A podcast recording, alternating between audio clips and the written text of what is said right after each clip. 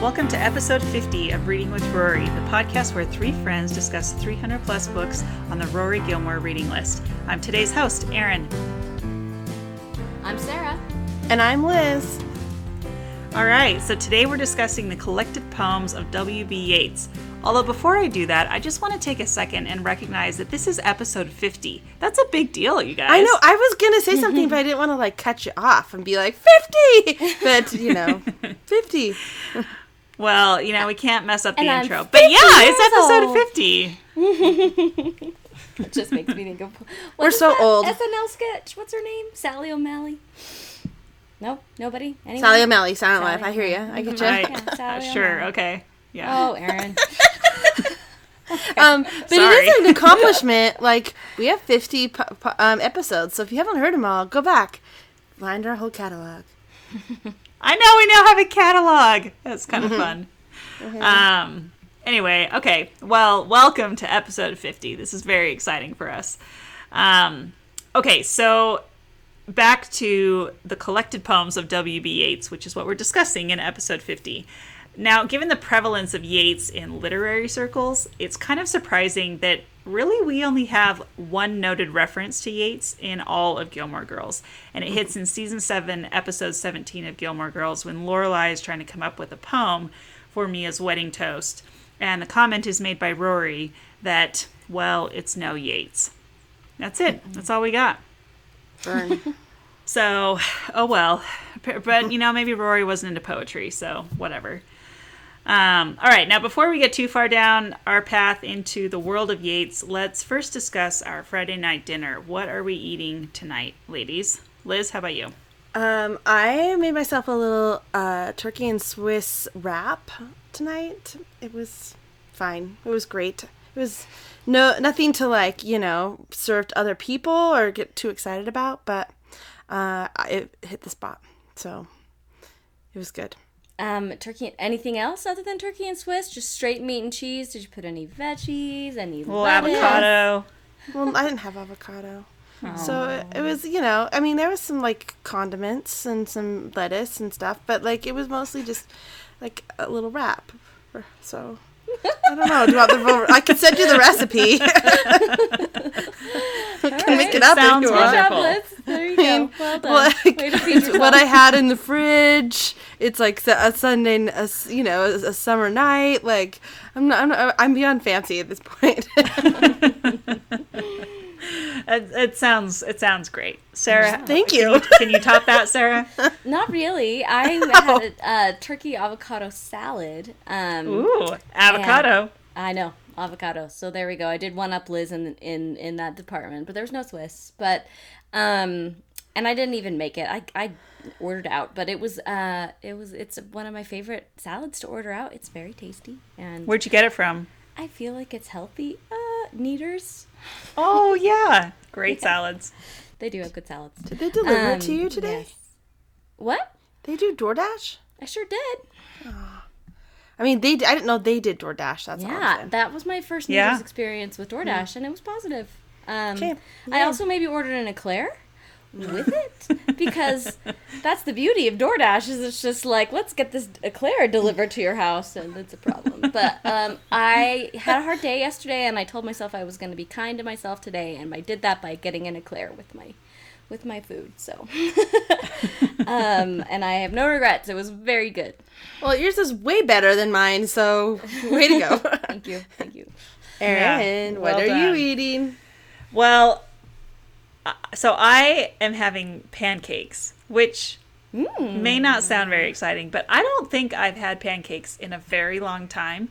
And I had some leftover mix, which, given that I haven't had pancakes in a very long time, it's probably not the freshest mix, but that's okay. Um, it's the it's the Kodiak Cakes brand, and I was just feeling pancakes tonight, and so I made pancakes and I put some maple syrup on them, and they were perfectly golden brown, and I was so happy. I So will that- support that. I'm a big fan of the breakfast for dinner concept. I think it's a win. hmm Yeah, And you didn't burn like the first one? Or Just like were they No. all just good? Oh goodness. I mean, you're so we're good. talking light golden brown, both sides. Way to go. I mean, it was yeah, I was very impressed with myself. I'm impressed with you too. I'm impressed. There's some, Mu- There's- mutual, you've impressed us. mutual- Way to go. Mutually impressed. I mean, I think that my like cooking time and flipping skills are getting better because ever since I moved into my house, there's a grill on the back patio, which, as you guys know, and I grill food almost every day. I don't know if that's healthy or not, but I go out and I'll grill salmon or chicken or hamburgers or whatever, and that's what I eat for lunch, and it's amazing. But um, so I'm getting really good at like flipping things, you know, and like judging how long to leave it there. So I don't know, maybe that trickled into the pancake thing a little bit. your wrist has been really like we worked that wrist out. It's good. Oh, my wrist muscles are epic. Yeah, top, top notch. really, really good at flipping. I've always been good at flipping. What can I- You're like a regular Luke Danes. You know. Oh, You know. that's sweet. Thanks. you know? Yeah, Liz, we got it. well, thanks, guys. Um, okay, well, back to Yeats. Um, so, as we talked about in our last episode, we are currently in the collected works streak of the podcast. So, last time it was all about the collected poems of T.S. Eliot, and today it's collected poems of W.B. Yeats. This is a lot of poetry, but it's also kind of nice, I think, to have poetry, you know, to compare poets back to back, especially poets as significant as Eliot and Yeats, who are such enormous figures in the literary world and in the poetry world. So, um, so yeah, a lot of poetry, but I think it's going to be kind of a good thing. Now, since this is collected works, um, as we did with T.S. Eliot, I want to take a second for a quick primer on W.B. Yeats. Um, partly because since these episodes are as much about the authors as they are about the actual written works, I think it makes sense to spend a little bit of time getting acquainted with the people behind the words, uh, maybe more than we do in some of our other episodes, just because you know, we're talking about kind of their entire body of work, and their life is obviously very influential in that work. So I think it makes sense to take a little bit of time to discuss that. So bear with me for a second here while I give a little bit of a history on W.B. Yeats. Okay, so W.B. Yeats was born June 13th, 1865, in Sandymount, Ireland. Is his Now, name WB? What's his actual name? Oh, William Butler Yeats. There we go. Um, Thanks. It's a it's it's just a good Irish name. I just like it. I want to It's true. It's true. share it with. Um, now, Yeats is one of, if maybe not the biggest Irish literary figure, and he's also one of the foremost literary figures in 20th century liter- literature as well. Um, so during his life, he obviously wrote all of this poetry. He helped to found um, the Abbey Theatre, and he served two terms as a senator of the Irish Free State. He also was a driving force behind the Irish literary revival. And in 1923, he was awarded the Nobel Prize in Literature. Uh, now, during his childhood, he became fascinated by Irish legends and the occult, both of which feature predominantly in the first phase of his work up to about the turn of the 20th century. And then from about 1900 on, his poetry goes a, little bit more physical and realistic, but it still retains a flavor of that spiritual element. like so it kind of goes a little bit more modern, right? Yeah, and he gets a little bit more modern in his style too. So he, you know, at first he was very strict in his. Uh, he was a, a strict traditionalist in terms of poetic diction, but as time goes on and the modernist movement has a larger impact on him, his style becomes a little bit more free flowing and follows kind of the free verse style of some of the other modernists. So kind of like his, what we were talking about last week with Eliot and and like Ezra Pound and stuff. Kind of that Right. same kind of thing, right? Yep. hmm exactly. Make up your mind. Come on, me. Hey, why can't they're artists, Liz? They can, they no, can I'm just kidding. explore. I just see it in his poetry too. Like, make up your mind, Yeats. it's a running theme. That's All right, all. all right. We'll well, see that as we go. yeah, y- yeah. We're gonna have a lot of discussion about that. um, okay, so Yeats had kind of an interesting and somewhat troubled love life, and I only bring this up because it actually is quite influential in his work, and therefore I think it merits mentioning. So in 1889, he meets a woman named Maud For the Gonne. record, I'm always for bringing up people's troubled love lives. Like, let's just get into it, right? That's what people are actually here for. Like, let's spill a little bit of the tea on William Butler Yeats. Tell us. well the troubled artist thing right like it just Mm-hmm. i mean the best artists or the best art comes out of you know grief from the heart so i don't know Hear, whatever um All right, so 1889, he meets Maud Gonne, and she is a 23 year old English heiress and an ardent Irish nationalist. So, this is the period of time when Ireland's trying to fight for their independence. So, there's a lot going on in the Irish nationalist movement. Um, and Yeats had been part of that movement, but kind of started to distance himself from it as time went on. So, he supported it, but kind of from a distance. We'll talk more about that later. Anyway, so um, Yeats becomes obsessively infatuated with Maud Gonne, and she becomes his muse. She has a profound influence on his poetry and his life. Um, but his love was unrequited, um, in part due to his reluctance to participate in the nationalist nationalist activities that she was involved in. So she Ooh, was she's like a firebrand. I like that. yeah, she. I mean, even though she was English by heritage, she was an ardent Irish nationalist and very, very involved in the movement. And he wasn't quite willing to get as involved in some of the stuff that she was involved in, and that was a little that caused some friction in their relationship. Interesting. I want to know more about her. I know, more right? about more about Yeats. like we won't go. I know, but on- this English heiress- tangent. But I'm intrigued. She sounds like an interesting character. Well, and it is interesting that this English heiress is like, yeah, give Ireland their freedom. Like, it's just kind of an interesting. Off with their heads. Yeah, that does seem strange. interesting thing. Um, anyway, so he, in total, he proposes to Maud Gonne four separate times. Each time she refuses. And, well, so this is in their youth. And then in 1903, she marries a guy who's a big part of the Irish nationalist movement by the name of Major John MacBride. The marriage was not great, um, which Yeats secretly loved.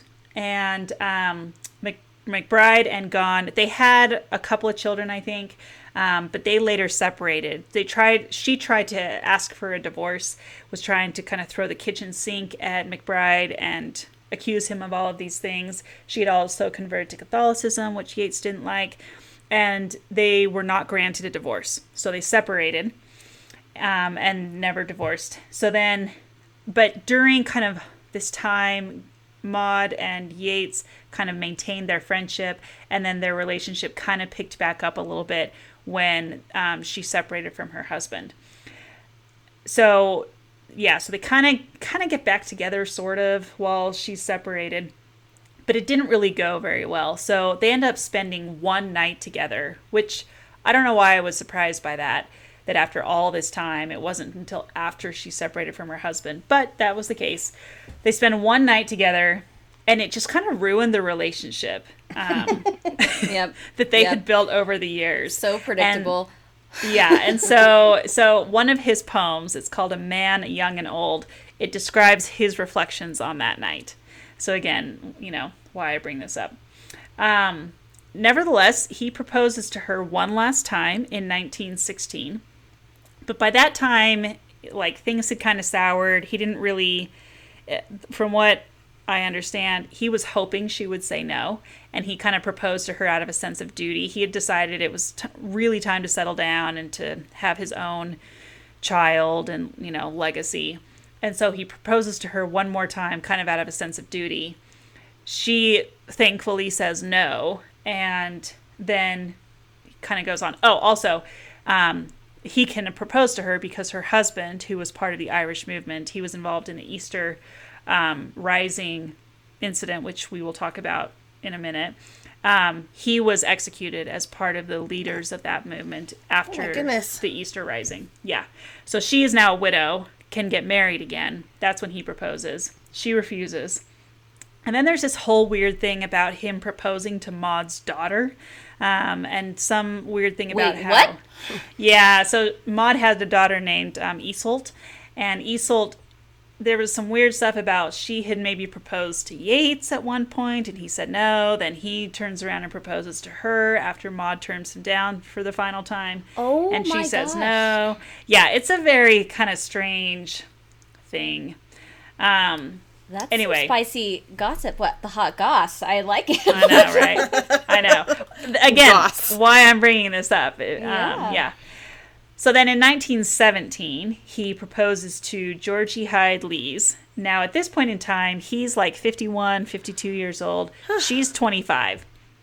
And um, she accepts, and they go on and have a relatively happy marriage, even though I think he had a couple of liaisons in his later years. I don't know exactly how much later, but some sort of liaison. But still, I think they had a relatively happy marriage. They had a couple of children, um, Anne and Michael.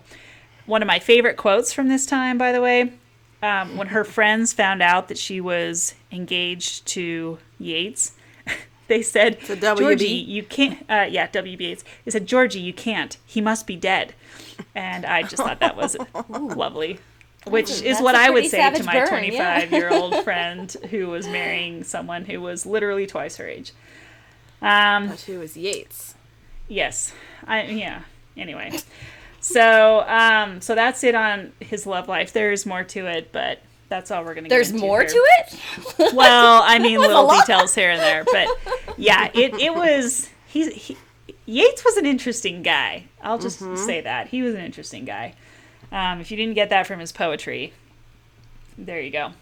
Um, all right. So as we mentioned, he was also an Irish nas- nationalist. He was at one point a member of the Irish Republican Brotherhood, but he distanced himself slightly from the core political activism that was going on um, during, like in the middle of the Easter Rising.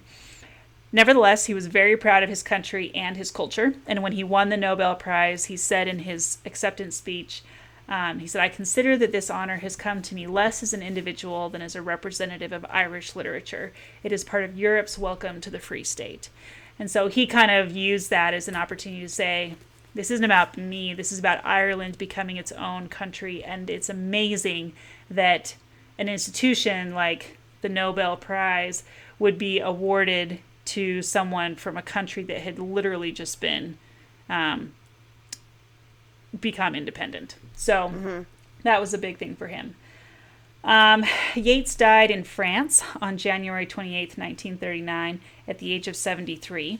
Now, he was initially buried in France, and there's this kind of weird thing where he told his wife, or his wife said that they had had a lot of discussions that he wanted to be buried in France. And then, like a year later, when all the hype died down, he wanted his remains to be moved back to Ireland. So, I don't know. Again, strange guy. But um, he was later moved. His remains were moved back to County Sligo, which is uh, part part which is where he grew up, basically.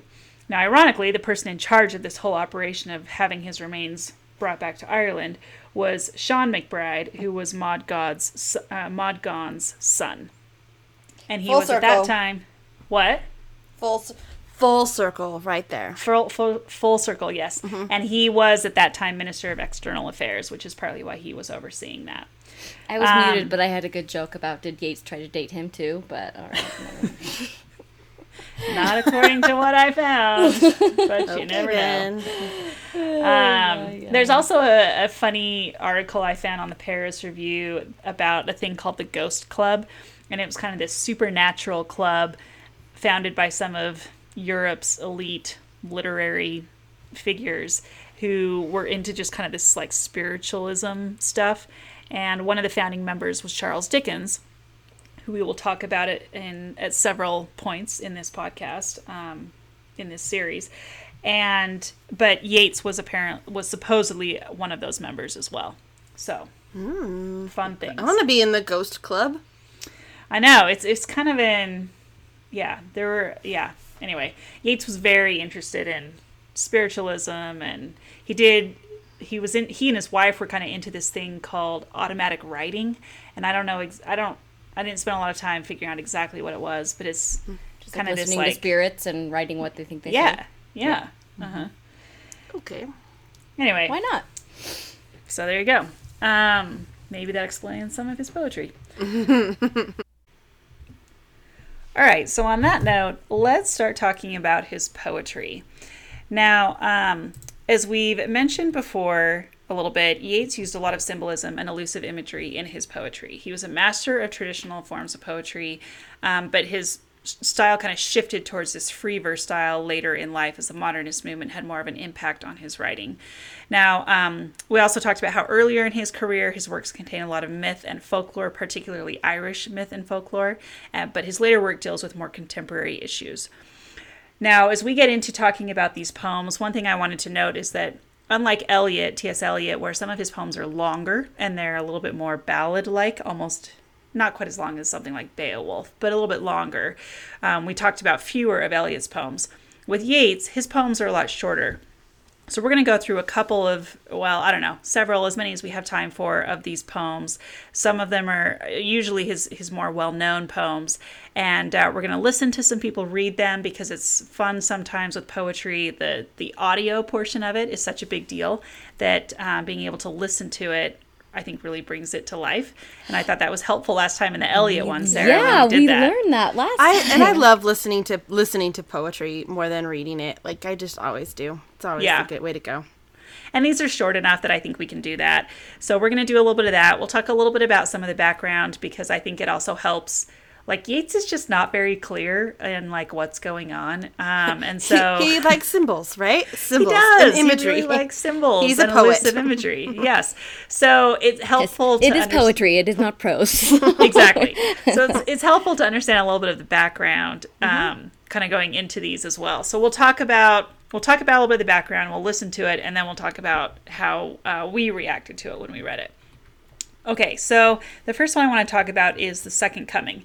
This might be Yeats's most well known poem. Um, at least it's the one that has had kind of the largest literary impact in terms of his legacy. So we're going to start here. Um, this one was published in 1919. I will tell you right now, no one really knows what this poem means. Um, there's there's a lot of discussion about it. or they think they know what it means. Like Right. lots of people like think that they know what it means and then like a whole like separate like political ideological side will be like no it means this so Right. like everyone's claiming it like that's what i think is interesting Yeah, so so this one is very um, elusive. So uh, okay, so background on this one. Now this is kind of getting into that like spiritual side of Yeats, right? So he spent years kind of crafting this like very elaborate mystical theory of the universe that he describes in his book called A Vision. Now this theory. Um, so, okay, so the way that this theory kind of works, and I'm still having a hard time understanding this. So if you guys understand this more than I do, feel free to chime in here. But his basically, theories okay good luck go ahead right. Well, so hi- hi- his theory basically it's his theory of history, and it centers on this diagram made of two conical spirals, one inside the other, so that the widest part of one of the spirals rings around the narrowest part of the other spiral, and vice versa. So he called this image gyres. This just, this whole thing just anyway, but it's supposed to capture the contrary motions inherent within the historical process. So he divides each gyre into specific regions that represent particular kinds of historical periods and could also represent psychological phases of an individual's development. So the second coming was intended by Yeats to describe the current historical moment. So again, this poem appears 1919, 1921, right after the end of World War One. And um, so he's looking at that, and he believed that the world was on the threshold of this apocalyptic revelation as history kind of reached the end of one of the that outer gyre, and then began moving along into the inner gyre. So if that's confusing, i mean you maybe lost me at gyres a little bit but like i do think it's interesting how history i mean you can look at it as like you know these Think about it like moments. dialectical. yeah Yeah, like dialectical thinking, right? Like that it that's kind of what it made me think of anyway. And and like the this Im- like this image of kind of you know, things happening in reaction to each other and forces kind of informing each other and and contradicting each other, but yeah. It's it's kind of it's it's interesting to create create an image for that. I, yeah yeah Mm-hmm. I like that. Yeah. Um, all right. So for the the reading of this one, we are going to listen to Dominic West, um, the actor. If you don't know who that is, and he's going to read the Second Coming. Now this one's only like a minute and a half, so this is, so it's again short poem. All right. Here we go. The second coming. Turning and turning in the widening gyre, the falcon cannot hear the falconer. Things fall apart, the centre cannot hold. Mere anarchy is loosed upon the world. The blood dimmed tide is loosed, and everywhere the ceremony of innocence is drowned. The best lack all conviction, while the worst are full of passionate intensity. Surely some revelation is at hand. Surely the second coming is at hand. The second coming? Hardly are those words out when a vast image out of Spiritus Mundi troubles my sight. Somewhere in sands of the desert, a shape with lion body and the head of a man, a gaze blank and pitiless as the sun, is moving its slow thighs, while all about it reel shadows of the indignant desert birds. The darkness drops again, but now I know that twenty centuries of stony sleep were vexed to nightmare by a rocking cradle, and what rough beast, its hour come round at last, slouches towards Bethlehem to be born. All right. There we go. Ooh. So, what There's did some we good think? lines in there. Yeah, T- tell Um, me. What do you think? So, I mean, there's some lines that jump out for sure. Like I can see, um, like I love the. I mean, obviously, things fall apart is like the, the name of a book, right? It's very mm-hmm. famous, right? But the center cannot hold. Mere anarchy is loosed upon the world. I can see how The center different. cannot hold is also a, a very famous. Yeah, that's yeah, that's famous too. It's I can see how people claim this, right? Like, oh, this is like describing how I'm feeling and how these different like different people like can feel the same way and not be agreeing with each other, right? Like everyone can feel this. So I think that's kind of an interesting image of like just like things ending and like the second like the world is ending. This is, such a horrible time. And like the idea of the lion that imagery of the lion coming and like how it's our it's our cam round at last slouches toward bethlehem to be born. Like the idea of like slouching toward bethlehem has always been it's like a i mean I- i've heard it in joni mitchell songs too but like it is Yeah, we'll talk about where these lines. Yeah, Again, how thi- they this come is in one other of places. those. Yeah, this is this is the one poem that is referenced everywhere. So Yeah, yeah, yeah. But when like people pick those lines for a reason, like they are powerful, right? So, um, yeah, I mean, no, even think like interesting. talking about different sides claiming it, Mm-hmm. whereas is the best lack all conviction while the worst are full of passionate intensity. I think it's very easy to uh, um, to point fingers on that one, right? But I I couldn't, especially this first stanza, which is you know, I ideally the not ideally, but probably the most famous, most well known. It was certainly the most recognizable for me, and of all the poems of his that we read. Um, but just our current environment that we're living in, right, where we're confronting pandemics and civil unrest and and you know political stuff. And, i really felt like this captured that image so well. The blood dim tide is loosed and everywhere the ceremony of innocence is drowned. I mean yeah right? Like it it does. It just hits you with a wallop. And i think as we're living through really uncertain times and times that like i hear lots of people make jokes about end times you know like it does feel like end times crickets? right now yeah exactly or where are the zombies or murder the hornets. Uh-huh. And so it's it does feel like this apocalyptic time it, more so than any other time our generation has has really like has a lived experience with. So as i was reading these words i was just like it was almost kind of spooky right? Like, like Well, and also this feels the- really real and visceral to me now as i look at the world around me and that's not really what i want to mere anarchy is loosed upon the world shouldn't be the thing that hopefully comes to mind when I think about what I what I feel when I look outside my door, but it does. But also that shows that this isn't the only time people have felt that, right? Honestly, like yeah. this has been like I was I've been reading a book too where they're talking about this like oh this is like the, the surely the second coming is here, right? Like this is it. We're like living in the worst time and that was in the 1500s. So I mean it's just like everyone is saying this and thinking it and it's interesting. I mean, do you guys think he's calling for like a he wants it to calm down. Like i want to go back to like when it was calm. Or do you think he's like revolution in this poem? Because this is this- what i can't really interpret. I don't know what he knows. I don't think he knows right? It's more observational It's than hard like to say. Surely some revelation is at hand. Surely the second coming is at hand. Like is that ironic or is that you know, that's an in- the second coming exclamation point. Hardly are the words out when a vast image of spiritus mundi troubles my sight. It's interesting. I don't know. Mm-hmm, mm-hmm. I don't know. I mean, you know, again, like he had just come off the end of World War One, right? Like if you Yeah. had just come off the end of something like that, and you're looking at like, and you know, the Irish like the Easter Rising, 1916, like all this stuff has just happened within the last like five years of his lifetime, and now there's this like supposed level of peace.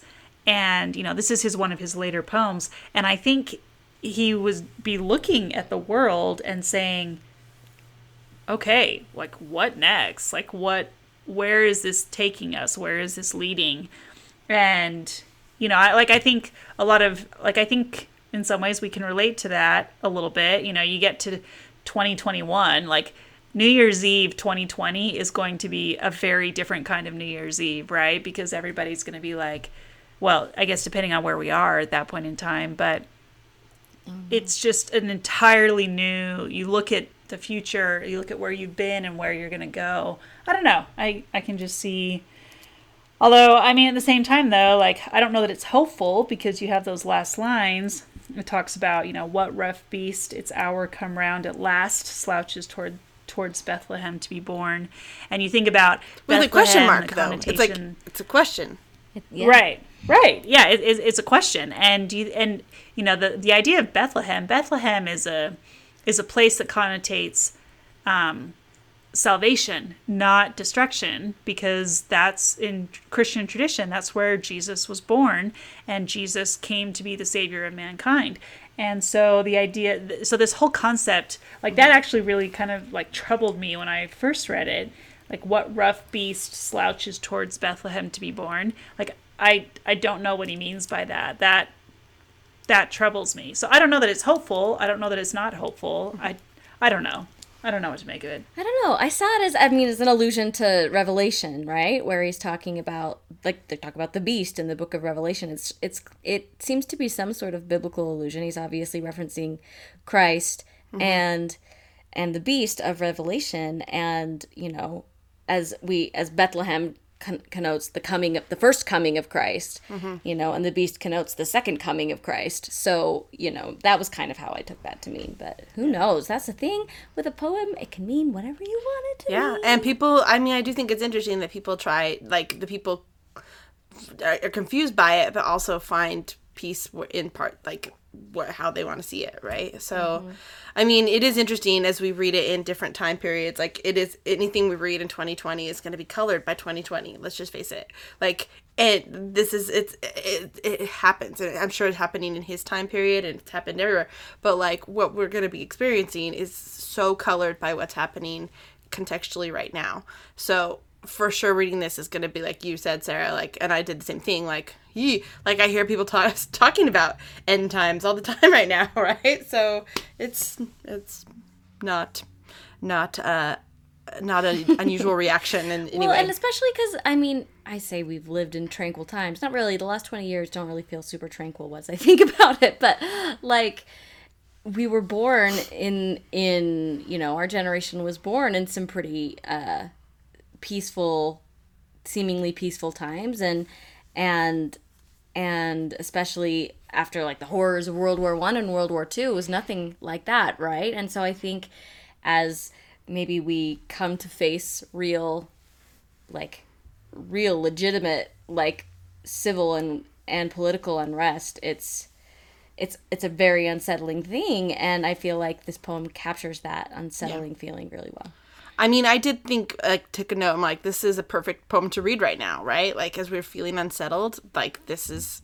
kind of capturing that feeling. Like, I don't, it doesn't need to instill hope in me. He probably didn't feel hope at that point, right? If that's not what he's feeling, he probably was feeling scared and anxious and, yeah like, and it is interesting aaron especially someone coming from like a, a christian tradition who Mm-hmm. maybe views the second coming not necessarily in apocalyptic scary terms but in like hopeful good terms you know like if if that's if that's how you're accustomed to to thinking about it. Um and yeah i don't know. I don't know. Is it playing on that at all? Do most people i feel like the concept of the second coming itself is especially when you think about the book of revelation which i think this does kind of touch on a lot, right? Kind Mm-hmm. of pulls heavily from, and the Book of Revelation is like a big poem too, essentially. Yeah. But- and reads like this. Um, yeah, Right? Like, yeah, exactly. Disaster, right? disaster, It- disaster, It, does. It doom, doesn't doom, feel, doom. It doesn't feel. Um, it's never even as I've you know grown up Christian and and am a believing Christian. It's not a concept that actually fills me with a lot of peace. It's a concept that's is kind of terrifying. So like, just because it's so it is so unknown and like there is so much violent imagery associated with it in the Bible. So it's just kind of something I tend to like not focus on in my own Christian worship. But uh so yeah, I don't know. It's a tricky one. Yeah. Well, all right. You'll have to let us know what you think about the second coming. But let's move on to the next Like one. the actual second coming or the poem the second coming. well, either. We'll take either. But I was referring to the poem. but we'll take either. it just sounds it just sounds so like Let us know what you think of the second coming. yeah, a little bit like Let us know your thoughts on the end of the world. Um, yes. Okay, well, the next one we're going to talk about is Easter 1916. Now, this was maybe not unsurprisingly written in and right around 1916 um, after the Easter Rising. So um, there's a, a change that's referenced in the in this poem, and that change was the Easter Rising or the Easter Rebellion of 1916. And this was about a thousand Irish Republicans who wanted to secede from Great Britain and establish an independent Ireland. Now, the insurrection was put down less than a week later, so it was very short lived. And many of the leaders, including Major John MacBride, who we referenced earlier, uh, Maud Gonne's husband, um, were swiftly executed by firing squad. Now, even though the original rebellion did not get a lot of support from the general populace, the ruthlessness of the British in response to it unnerved the Irish and led to the growth of kind of one of these ultra nationalist groups. Um, and as Yeats put it, he said, I had no idea that any public event could so deeply move me. Uh, yeah, so in the wake of all these courts martial and executions in May of 1916, he wrote to a woman named Lady, Lady Gregory that he was trying to write a poem. And the simultaneous awe of and ambivalence toward the event are clearly shown in this um, in this poem. So the Easter Rising is kind of, or the poem Easter Rising is kind of a double entendre on the holiday. He references a terrible beauty um, born during the Holy Week, and so marking both the occasion of Christ's, sacri- Christ's sacrifice as celebrated in the Christian tradition, also this really horrific event that occurred in Irish history. So it's kind of this simultaneous crucifixion and resurrection reality kind of archetype. It's very paradoxical, right? Like beauty, Very paradoxical. Mm-hmm. terrible, right? Terrible beauty. And he warned you right up front. This is going to be like a paradox, right? So yeah, I Yeah. It. Okay, so for this one, we are going to listen to none other than the lovely Liam Neeson. Um, now, Of course, Liam- he's so Irish. I know, I know, he's so Irish. The only person better would be like Bono or something. Um, anyway, but uh, he, um, this one is a little like Dominic West had a little bit more emotion in his voice. He was a little bit more emotive when reading The Second Coming. This one is not that way. So I'll be curious to see what you guys think of this as we get into it. Okay, here we go. I have met them at the close of day, coming with vivid faces from counter or desk among grey 18th century houses. I have passed with a nod of the head or polite, meaningless words, or have lingered a while and said polite, meaningless words, and thought before I had done of a mocking tale or a jibe to please a companion around the fire at the club being certain that they and I but lived where motley is worn. All changed, changed utterly. Beauty is born. That woman's days were spent in ignorant goodwill, her nights in argument until her voice grew shrill. What voice more sweet than hers when, young and beautiful, she rode to harriers? This man had kept a school, and rode our winged horse. This other, his helper and friend, was coming into his force. He might have won fame in the end, so sensitive his nature seemed, so daring and sweet his thought. This other man I had dreamed a drunken, vainglorious lout. He had done most bitter wrong to some who were near my heart, yet I number him in the song. He too has resigned his part in the casual comedy. He too has been changed in his turn, transformed utterly. A terrible beauty is born. Hearts with one purpose alone through summer and winter seem enchanted to a stone to trouble the living stream.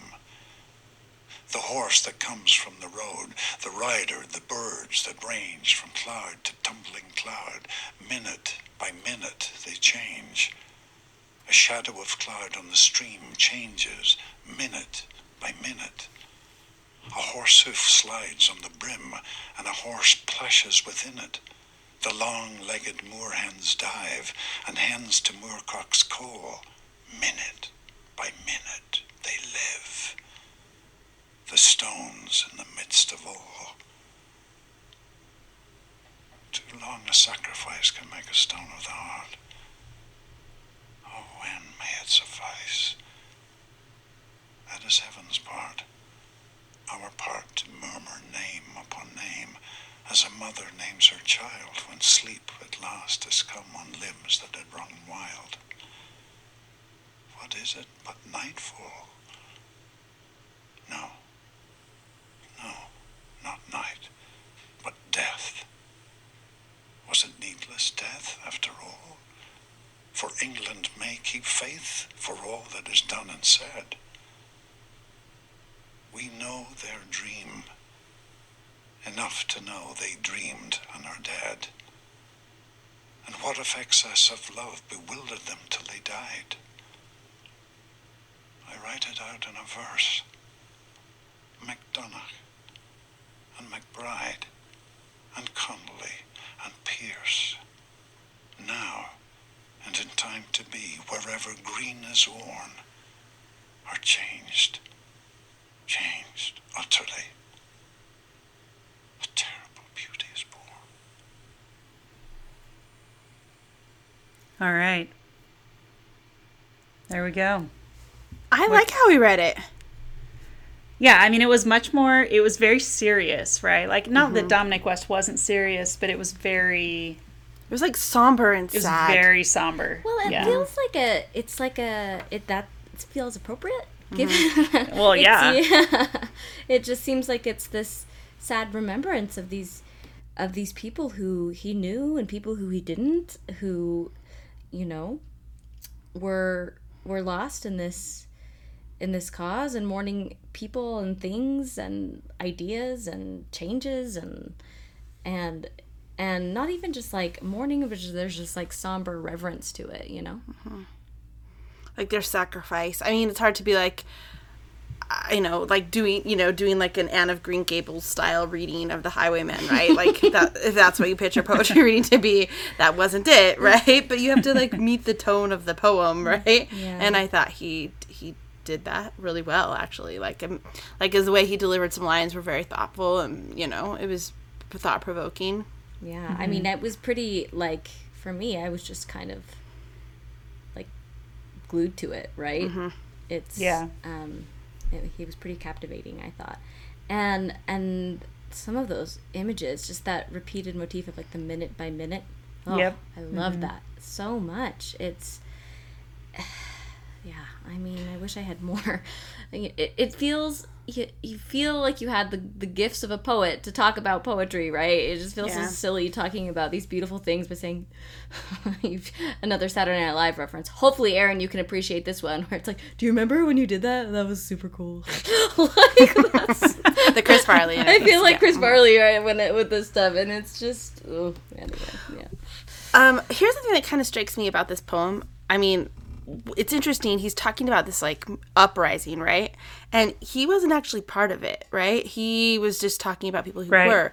But don't you think he kind of wishes he was part of it? Or I mean, what's it like? I get the sense that he is like a little bit mm, detached from it and like wishing he was because he never i mean personally he wasn't he wasn't actually involved in that right he took more But he, he- took more like- of an like upper class sort of like I, i'm comfortable where i am and he not was an Irish that. nationalist. I would think that the that the Yeah. cause Later. was what. Mm, I mean, he he was an Irish nationalist, but he was not involved in the like heavy political activism. So he was not involved in the Eastern 1916 uprising. Mm-hmm. But I think my guess he's probably okay with the outcome.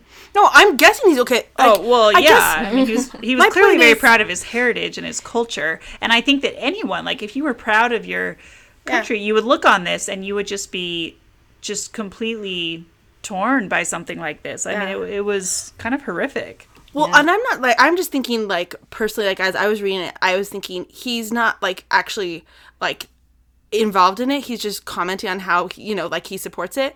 And I was just thinking about how like in so many ways there's like I mean uprisings now going on, right? And how everyone isn't just out on the streets marching, but they can be like part of part of the movement too, right? So is he is he kind of taking that I don't know, like there's just ways to be involved, but he wasn't really I mean he was an Irish nationalist, yes, but that doesn't mean he was like one of those brave people that sacrificed their life for it, right? So he's not doing he's not doing he's not out there fighting it, but he is he is coming from a place of comfort and Yeah. a little bit like um I don't know, maybe can relate to superiority is not the word, but I kind of mm-hmm. see it a little bit in there. That's all. Something where like yeah, your heart's there, you're kind of like with them in spirit, but not to the point that you are with them in body and they're mm-hmm. sacrificing their lives. And do you feel a mm-hmm. certain amount of like Maybe guilt. guilt? I mean, yeah, yeah, like guilt and maybe um guilt and it's like i'm sure there's yeah there does there is a lot of ambivalence in it i think but also just at the end of the day to me it just felt so reverent and maybe that was the way that he read it but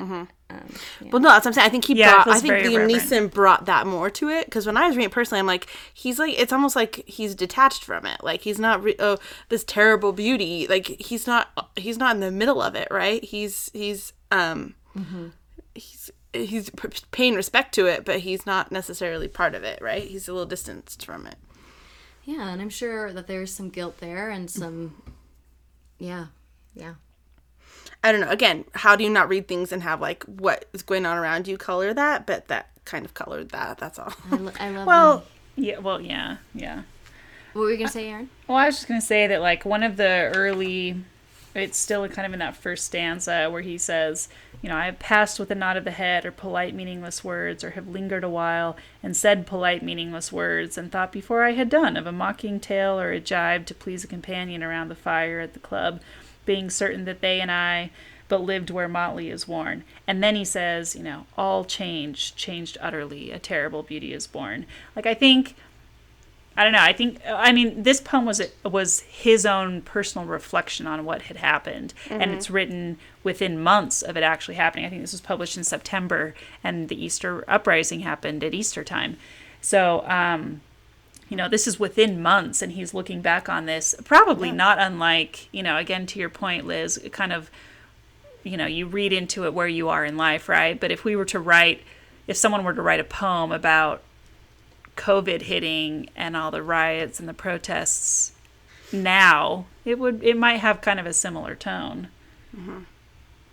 especially someone who is you know um he is he isn't he is upper middle class he's not like one of the like um i guess it's he's not he's not You're, you know what you're saying. Yeah. rebel that you see in the street right He's He not ha- like a Branson in different- Downton Abbey.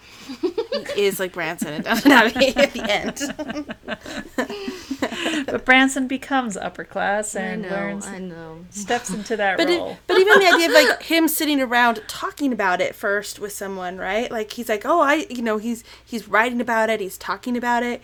Like, don't you think that there's just like that's a good way to approach it. That's also a meaningful way to do it. There's it's a poem later too, right? Where like art is what actually like helps show us that too, right? So I think there's value in what he's doing, but like for me I read it like he's really going into like heavy heavy imagery about like what sacrifice and bravery these men these people showed and he didn't show that yet, right? He's just on their side, right? So I can get I can I can totally relate to that, right? Yeah, Like yeah, as I sit and I watch these protests and I'm like I don't really feel like my circumstances allow me to take that kind of an active um thing, but part of me is just kind of like wishes I could and feels kind of hamstrung by yeah. certain things, but it's like yeah, so I totally relate to that that element of it. And and do you feel just kind of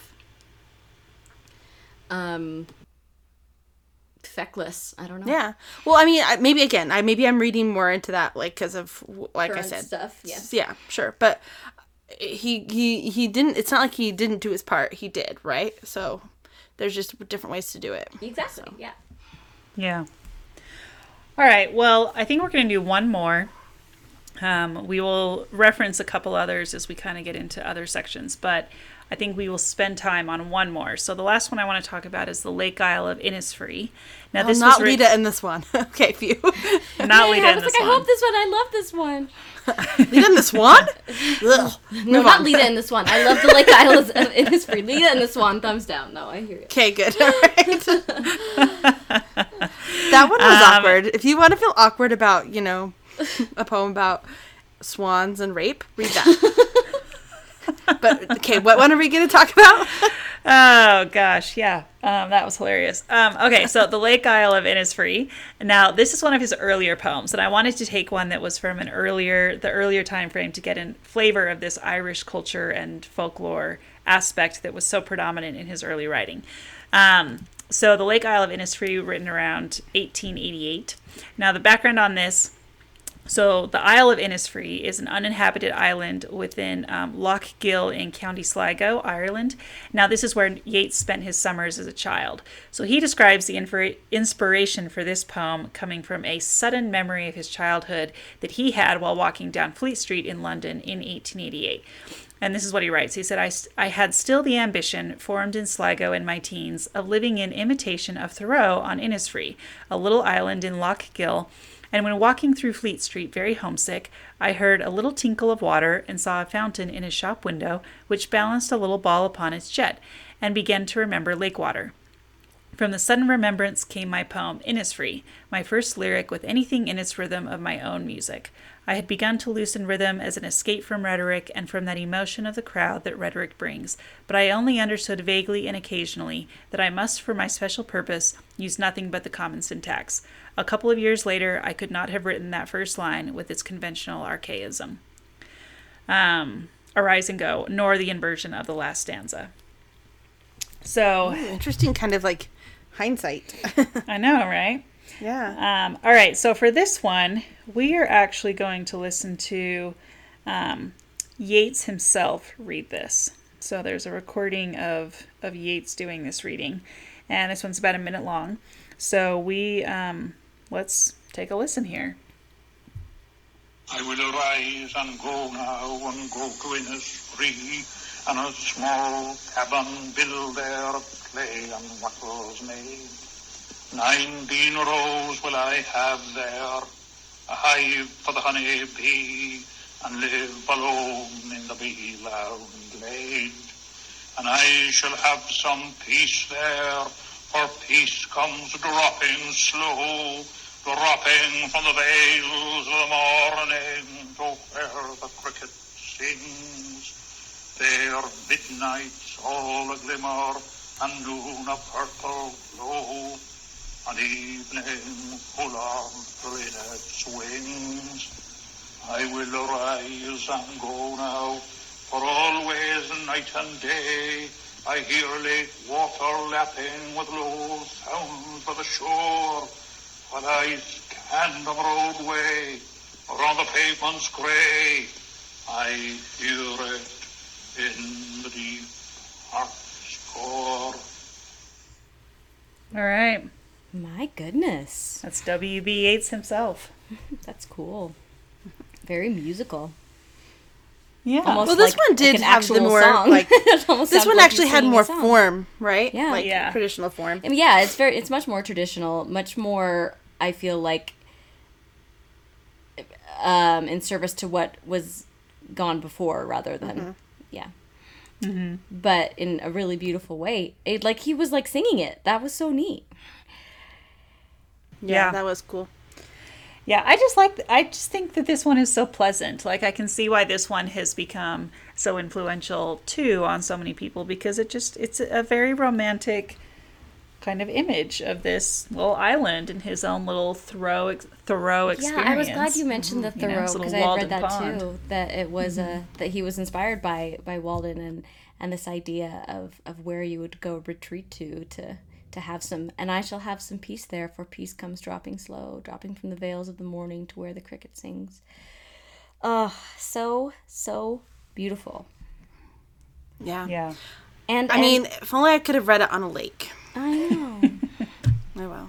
Well, and I think that you know, I, and I love that last line. You know, I hear it in the deep heart's core.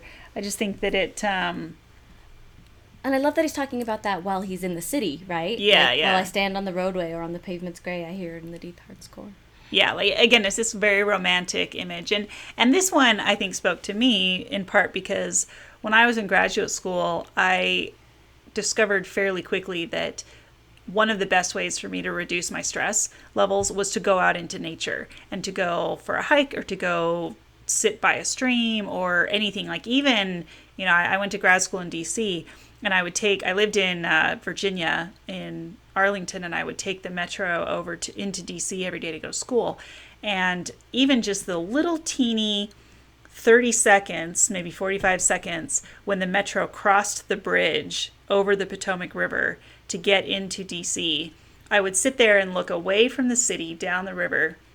And it was my own little, like, Pocahontas moment. Is the only way I can really, like, think to describe it. Um, you know, just around the river bend right there. Like and I was just gonna say, just around the river bend.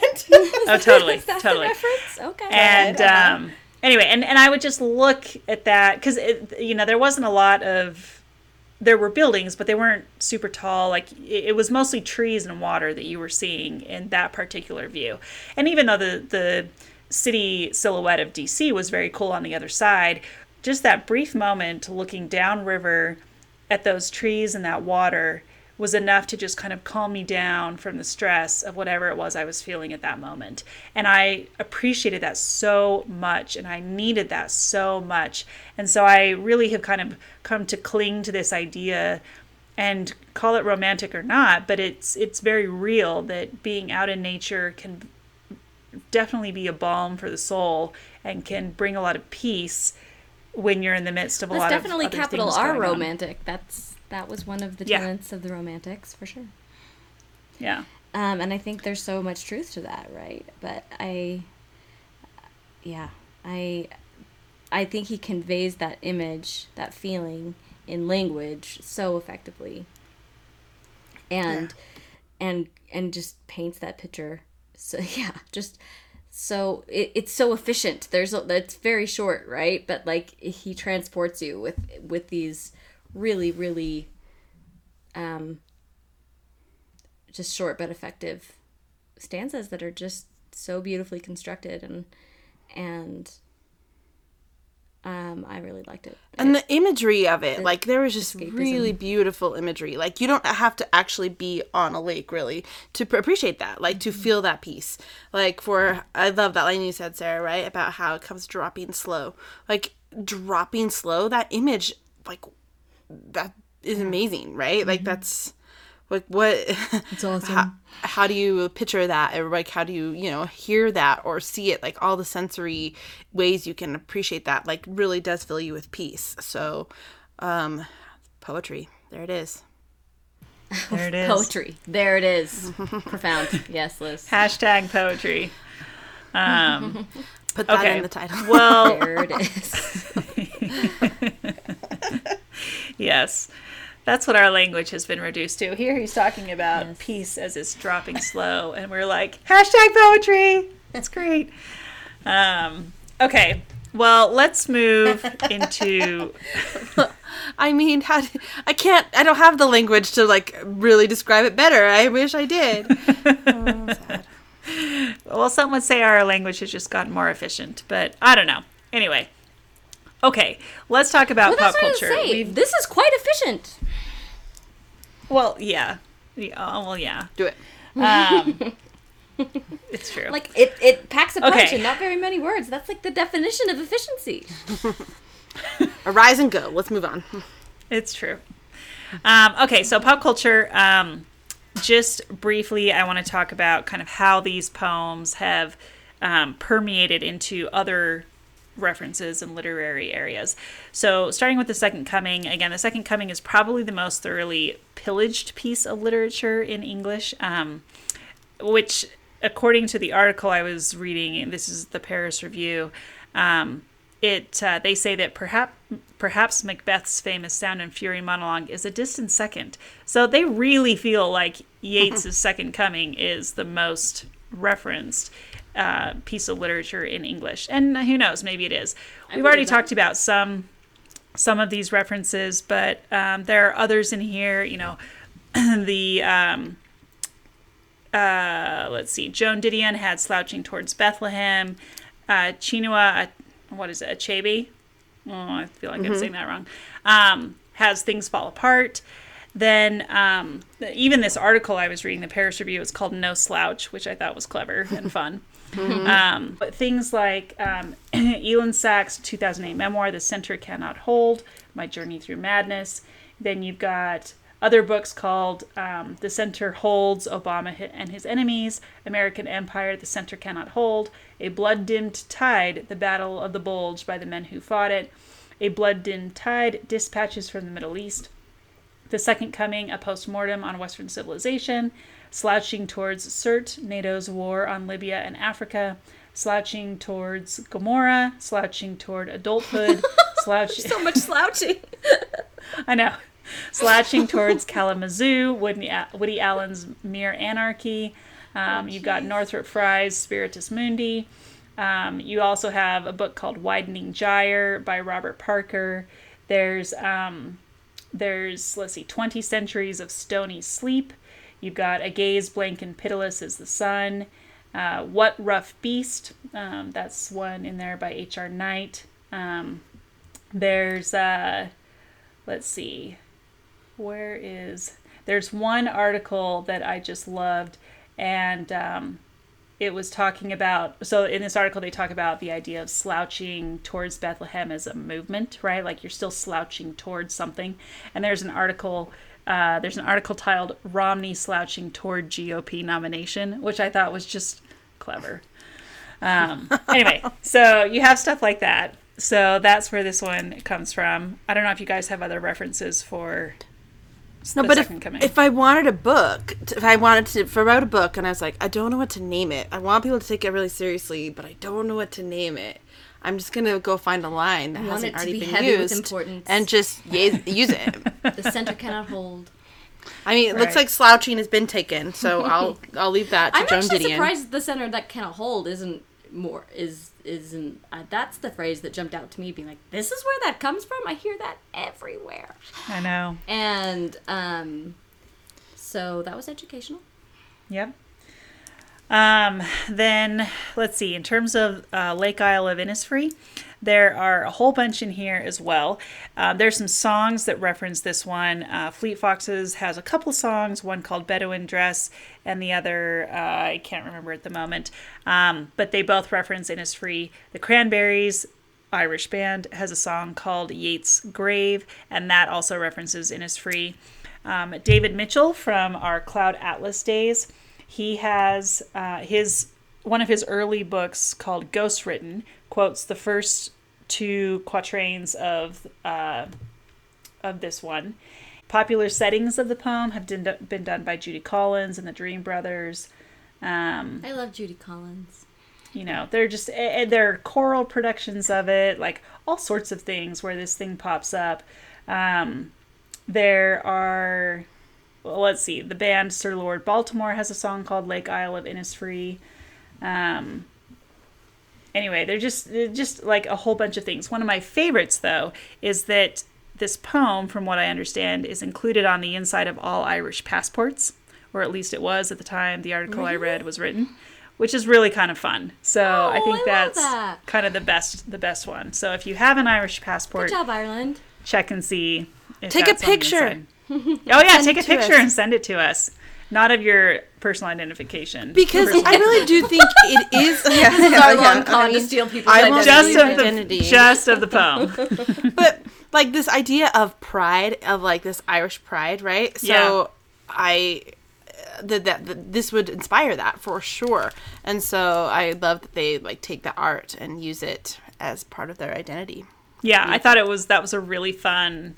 Uh, like whoever whoever decided to do that, I applaud you. I think that's really great. Um, and then sailing to Byzantium, which is another poem that we did not read, um, but a very well known one. That one I wanted to mention because uh, Cormac McCarthy's No Country for Old Men takes its title from Sailing to Byzantium. I noticed that when I read it. I was like, oh, I like Yep. that. So um, Yeats abounds in public or in the Indeed. uh, in pop culture.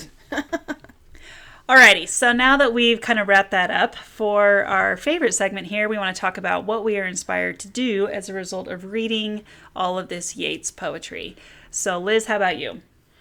So I was inspired to um, maybe want to rewatch the Derry Girls and listen to Cranberries and just you know like capture my Irish loves you know so a little you know Sinead maybe who knows but um I mean there's just the, it did it did bring a lot of Irish Irish um like pride and love that he that came through his poetry for me so it just kind of made me want to like dive back into that Your Irish pop cultural touchstones.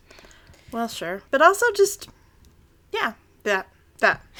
And there's a lot more than that but i'm just saying that like some of these like really can be like they they just love their country right? And you can see they take pride in like telling that story and even like the revolution of it all. I mean if you haven't seen Derry Girls it's so interesting. It's about like the troubles Yeah. in the in the 90s and it's just some girls in high school. So it was it's actually very interesting They're in Northern Ireland, right? Not Ireland. yeah, they are in Northern Ireland, but I just mean like this like whole idea of like it's kind. I mean, he had, like there's the paradox and the protest of it all, right? Like that Yeah. kind of captures that for me. They're like everyday life is also you know thrown in with all these uprisings and.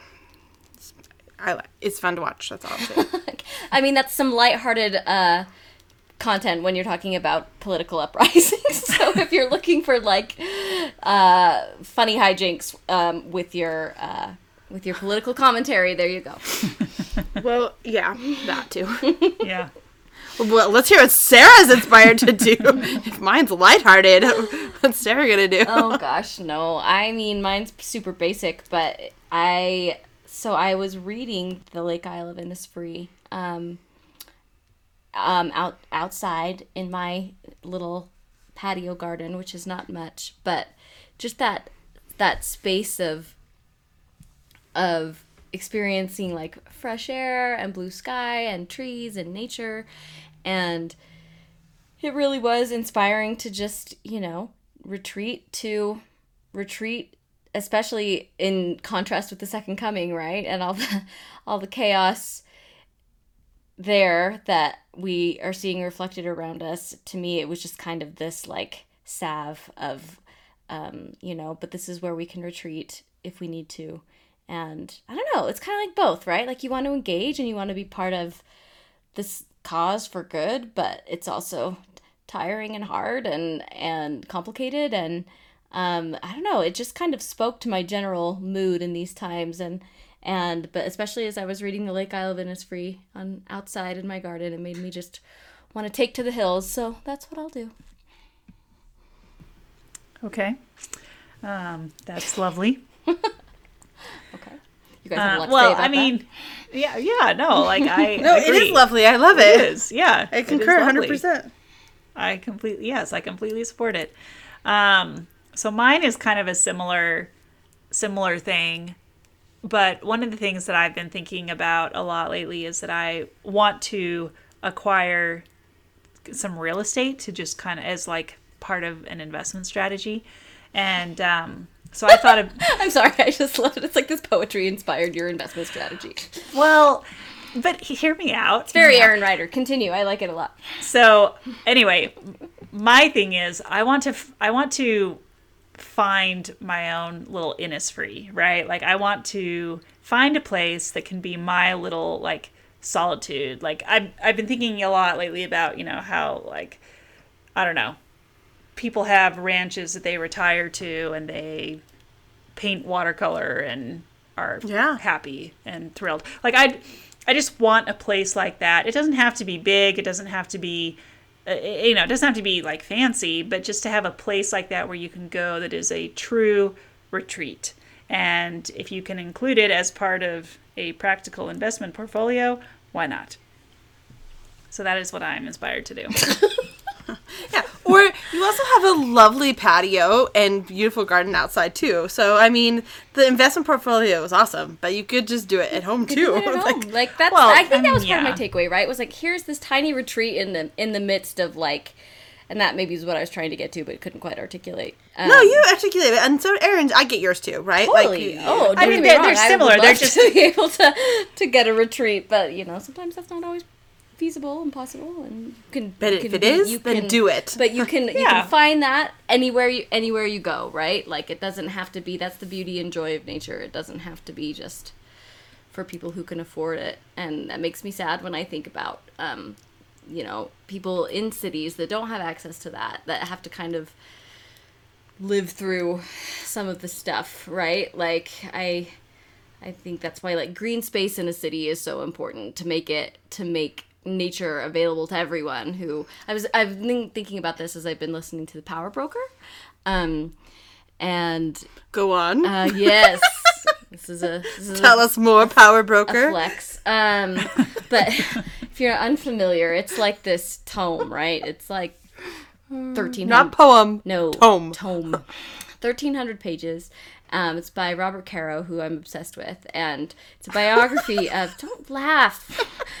Um, it's it's a biography of a man named Robert Moses, who was a, a like a city and urban planner in New York in the first half of the 20th century, and he's essentially like responsible for like parks like and like the system of like state parks in the united states like is all ba- like kind of responsive to his work. But sadly a lot of his work in new york involved like displacing um marginalized people to like build these highways to these parks. But it, um so you know you got to be careful with how you get the parks but it's also is talking about like the gold coast on long island right? And at the time of you know all these uh all these wealthy people that had this vast swaths of land that no one could access and it's this beautiful land and moses was like uh, people should be able to enjoy this right? This shouldn't just be for rich people. So he like started out on this started out as an idealistic crusade to like make make nature available to everyone and kind of inverted uh, his motives were inverted th- as he like acquired more power and and and wound wound up like doing a lot of harm to the people he was trying to help. It's a really fascinating book. Anyway, but that just made me think about it. So I've been thinking about those things. So nature is important. That is the point. Everyone, find your retreat and go enjoy it. Yes. Amen. I love Thank it. you. And I love that you flexed about Robert. Oh hell yeah! That's great. Found its way. If we could do that in every episode somehow, I would love that. I probably could. I know. I, I have a friend who has a crush, I will call it, on Noam Chomsky, and it's great because So the random ways, Very Paris Geller. Very Paris Geller. yeah, the the random ways that Noam Chomsky could factor into conversations was lovely. Um, anyway, okay, well, back to Yeats. Um, what did you, our listeners, think of the collected poems of W.B. Yeats? Please come start a conversation with us on Twitter, Instagram, and Facebook at Reading with Rory, or find us on our website at readingwithrory.com. You can also follow us on Spotify for playlists inspired by this and the other books that we read. Also, again, we bring this up every time, but please don't forget to leave us a review. We do love to hear how we're doing. We love to hear from you. And it does help new listeners find us if you leave a review. So please go give us a rating, leave us a review, and we would love to hear from you. Uh, next time on Reading with Rory, we're going to be discussing the collected stories of Eudora Welty. So, on with our collected works, we will be enjoying the works of Eudora Welty. So, we hope you'll join us. Um, it should be a good time. Yeah. Yeah. Oh, so, oh, yeah. oh, yeah. anyway, thanks for listening and reading along with us, and we'll catch you next time.